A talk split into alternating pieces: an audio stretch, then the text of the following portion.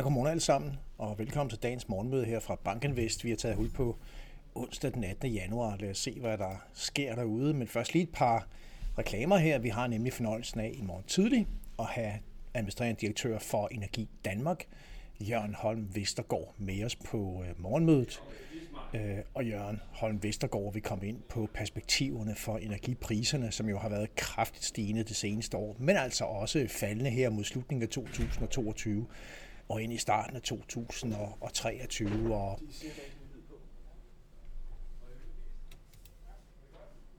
Og så prøver vi det igen. Velkommen til dagens morgenmøde. Beklager, jeg ikke lige fik sat den lyd på. Um, vi har altså fornøjelsen af her i morgen tidlig at kunne byde velkommen til direktøren for Energi Danmark, nemlig Jørgen Holm Vestergaard. Det bliver et rigtig spændende indlæg, fordi herr Vestergaard vil komme ind på perspektiverne for energipriserne, som jo altså har været kraftigt stigende i det seneste år, men vel at mærke faldende mod slutningen af 2022 og ind i starten af 2023 har vi jo blandt andet set, at naturgaspriserne er faldet, og Vestergaard vil komme ind på baggrunden for udviklingen i energipriserne og selvfølgelig også perspektiverne for energipriserne i bred forstand, og i det hele taget også, hvad der sker inden for energimarkedet herunder Power to X. Så det skulle blive et meget, meget interessant indlæg, som vi har i morgen hvor vi jo starter ud som sædvanligt kl. 8.15, lige med en opdatering på markederne, og herefter så overlader vi ordet frem til klokken cirka 9 til Jørgen Holm Vestergaard, direktør for Energi Danmark. Og øh, fredag morgen, der har vi så også fornøjelsen af at have vores gode kollega Miguel Torandel med os. Miguel kommer ind på, hvad der sker på Bankinvests øh, rådgiverside, øh, hvor man kan finde de forskellige materialer herunder hele området bæredygtighed, ansvarlig investering i Bankinvest, månedsrapporter for udvalgte fonde, Optima og en masse anden information, som vi har liggende der. Så vær endelig med os her på fredag kl. 8.15, hvor Miguel Torandel tager os igennem Bankinvests Vests rådgiverside. Og med det, så lad os skyde i gang. Øh, I går, ikke de store bevægelser, i hvert fald ultimativt på de amerikanske aktier. Vi har S&P 500-indekset nede med 0,2 procent. År til dato ligger vi med et plus på lige knap øh, 4 procent på S&P 500. Til gengæld så har vi lidt større stigninger på de europæiske markeder. Stock 600 op med 0,4 procent og altså steget mærkbare 7,4 procent år til dato. Helt i top, der har vi stadigvæk de kinesiske aktier, hvor vi kan se, at MSCI China-indekset er steget 11,4 procent. Der kører helt klart en historie omkring øh, reopening øh, efter coronanedlukninger i øh, Kina væsentligt bedre vækstperspektiver for Kina gennem øh, senere ud i 2023 og også ind i 2024. Det brugte jeg en del krudt på at øh, kommentere på i går morges. Og ser man sådan sektormæssigt på det, jamen der var jo som altid variationer i går. Hvis vi her har de amerikanske S&P 500 sektorer, kunne vi se sådan noget som Øh, finans ikke mindst øh, faldt med 0,7 procent. Der var et delvis skuffende regnskab for Goldman Sachs, der var ude. Til gengæld lidt bedre toner for nogle af de andre banker, men altså alt i alt et lille fald i financials på, på 0,7 procent. Vi så også communications uh, træk ned, men til gengæld plusser på, på andre områder, ikke mindst på IT-sektoren, den største sektor inden for S&P 500, som steg med 0,4 procent i går. Og hvis vi lige tager et år til et datoperspektiv på, øh, på sektorudviklingen øh, her kursmæssigt, kan vi jo se, at det er virkelig øh, de mere cykliske sektorer, som har lagt sig i, i front her år til dato. At vi har diskretionært forbrug, ikke mindst i toppen med en stigning på over 8 procent.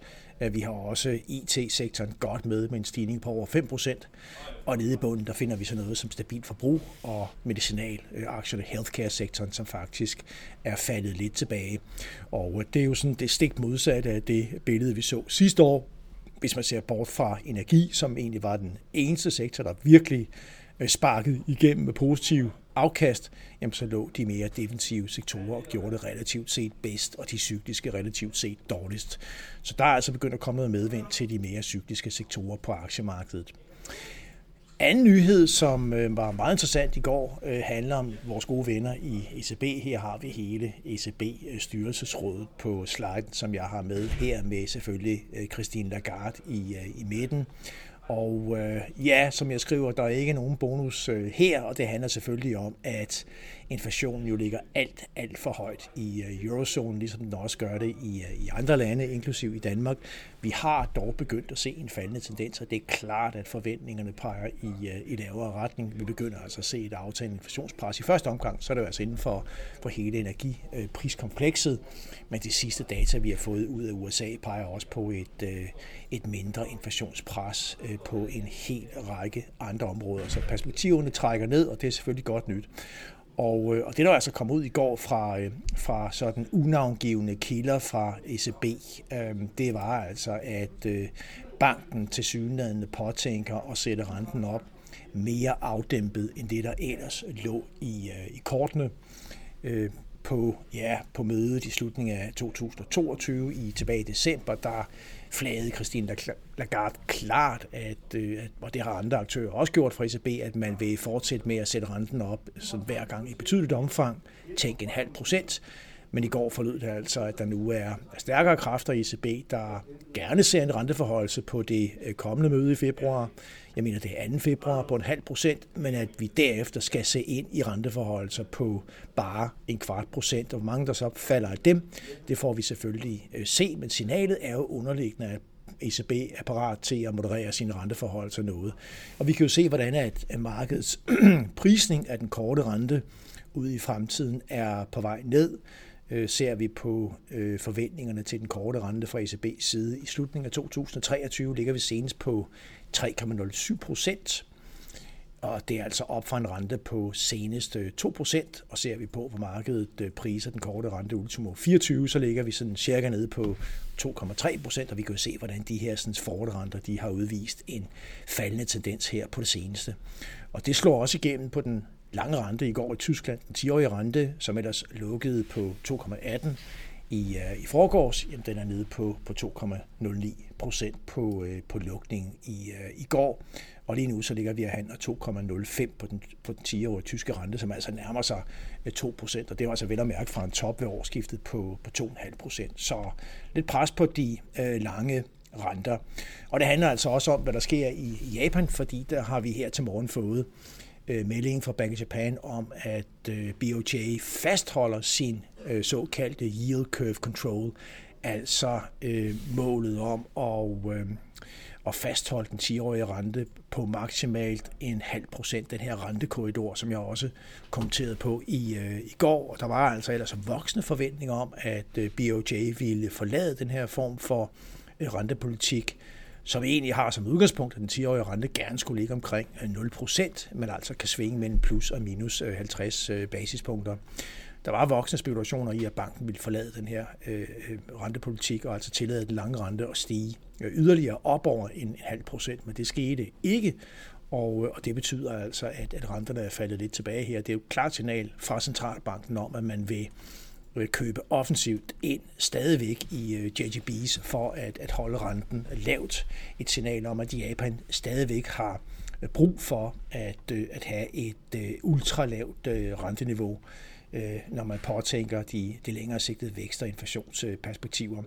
Så renten er trukket ned omkring 0,4, det filer selvfølgelig også ind i de lange renter i, øh, i, øh, ja, på, på vores, øh, vores markeder. Øh, hele rentedannelsen sker i sådan et, et stort univers. Vi ser også en vis svækkelse af japanske yen, næsten 2% mod dollar.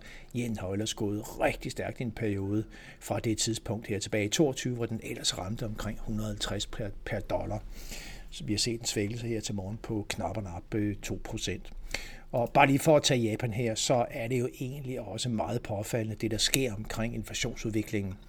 Det er gjort på, på grafen her på side 10, det er, at jeg har indekseret øh, prisniveauet øh, fra, øh, fra slutningen af 2020. Altså, vi har historikken her to år, og, øh, og der kigger vi på udviklingen i forbrugerpriserne justeret for fødevare- og energipriser, det vi kalder for kerneinflation. Hvis man lige tager USA i toppen her, kan vi se, at over den her toårige periode, der er øh, øh forbrugerpriserne eks fødevare energi steget med 11 procent. Vi kan se, hvordan de er steget med, med 10 procent i, øh, i Danmark, undskyld, i UK, 8% i, i Danmark, øh, og, og vi har også 8% i euroområdet på den her kerneinflation. over de sidste øh, to år. Og det er selvfølgelig øh, klart øh, højere end det, som er, er, er target. Men hvis vi så lige tager Japan, er priserne kun steget 2%.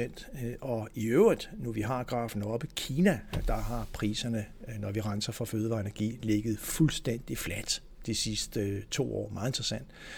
Så altså tilbage til den japanske centralbank, så er øh, refleksionerne selvfølgelig, at jamen, altså, Japan er sådan i strukturel lavvækst og, et, et, og dermed også et, et strukturelt nedadgående pres på, på priserne, og det kræver altså noget ekspansiv pengepolitik, og det har man bestemt i sinde at fortsætte, i hvert fald indtil videre. Så hermed Japan i, øh, og yield curve control, som BOJ altså fastholder. Øh, tilbage til, til gårdsdagens amerikanske univers, der fik vi et interessant nøgletal i, for, i form af New York Feds øh, Empire Manufacturing øh, Index, øh, det her survey, der måler forretningsaktiviteten på tværs af, af, af industrien i, i, i New York-området. Og, og vi så et overraskende fald i indekset. Indekset er lidt lavere end det lave niveau, vi så tilbage i august 2022. Øh, vi så, hvordan de øh, ordrekomponenten trak øh, klart ned igen, og det vidner jo om, at i hvert fald de næste par måneders produktion kommer under pres. Derimod så holder beskæftigelsesindekset sig egentlig relativt pænt oppe, og det fitter jo ind i hele indtrykket af, at det amerikanske arbejdsmarked stadigvæk er, er i ganske, ganske god form, i hvert fald indtil videre. Det, der er rigtig interessant at se, det er, når man kigger på øh, forventningerne, øh, der opgør Empire Manufacturing, Survey her også virksomhedernes forventninger seks måneder ude. Og det indeks er faktisk øh, moderat stigende. Vi bevæger os op for en, en bund, som vi så for et øh, par måneder siden. Så, så faktisk lidt mere optimisme med hensyn til, til perspektiverne, selve, selvom niveauet stadigvæk er, er lavt. Så altså kortsigtet pres, men bedre forventninger. Og det billede genfinder vi også i øh, de seneste tyske surveys. I går fik vi set ZEW-surveyet øh, for den tyske økonomi, Øh, og, og tidligere har vi fået IFO-indekset, som også har som et meget bredt indeks på tværs af 9.000 virksomheder i Tyskland, som også opererer med et forventningsindeks. Og de indeks er altså også på vej op. Så, så det ser ud som om, at erhvervslivet i hvert fald tænker, at ja, vi er under pres, vi har været under pres, men der er lys øh, for enden af tunnelen her, og det øh, er selvfølgelig rigtig interessant, og det harmonerer også med vores egne forventninger om, at vi kommer til at se et mere øh, tydeligt opsving mod slutningen af 2023 øh, senest, og at vi ind i 24 og videre frem faktisk kan begynde at tage hul på et nyt konjunkturopsving igen.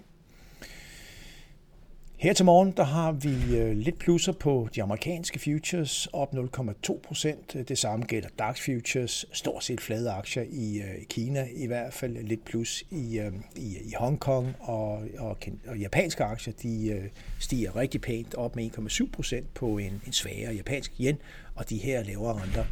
Vi ser også, hvordan øh, de lavere renter fitter ind på en 10 amerikansk rente, ligger og handler 3,47 det er cirka 8 basispunkter lavere end den lukning, som vi øh, landede på i går aftes i USA. Vi har britisk inflationstal i dag, vi har amerikansk detaljsalg, industriproduktion og så NAHB-indekset for boligmarkedet. Og med det, så skal jeg tak for, at I var med her til morgen, og øh, rigtig god dag. Vi er tilbage morgen tidlig. Tak for nu.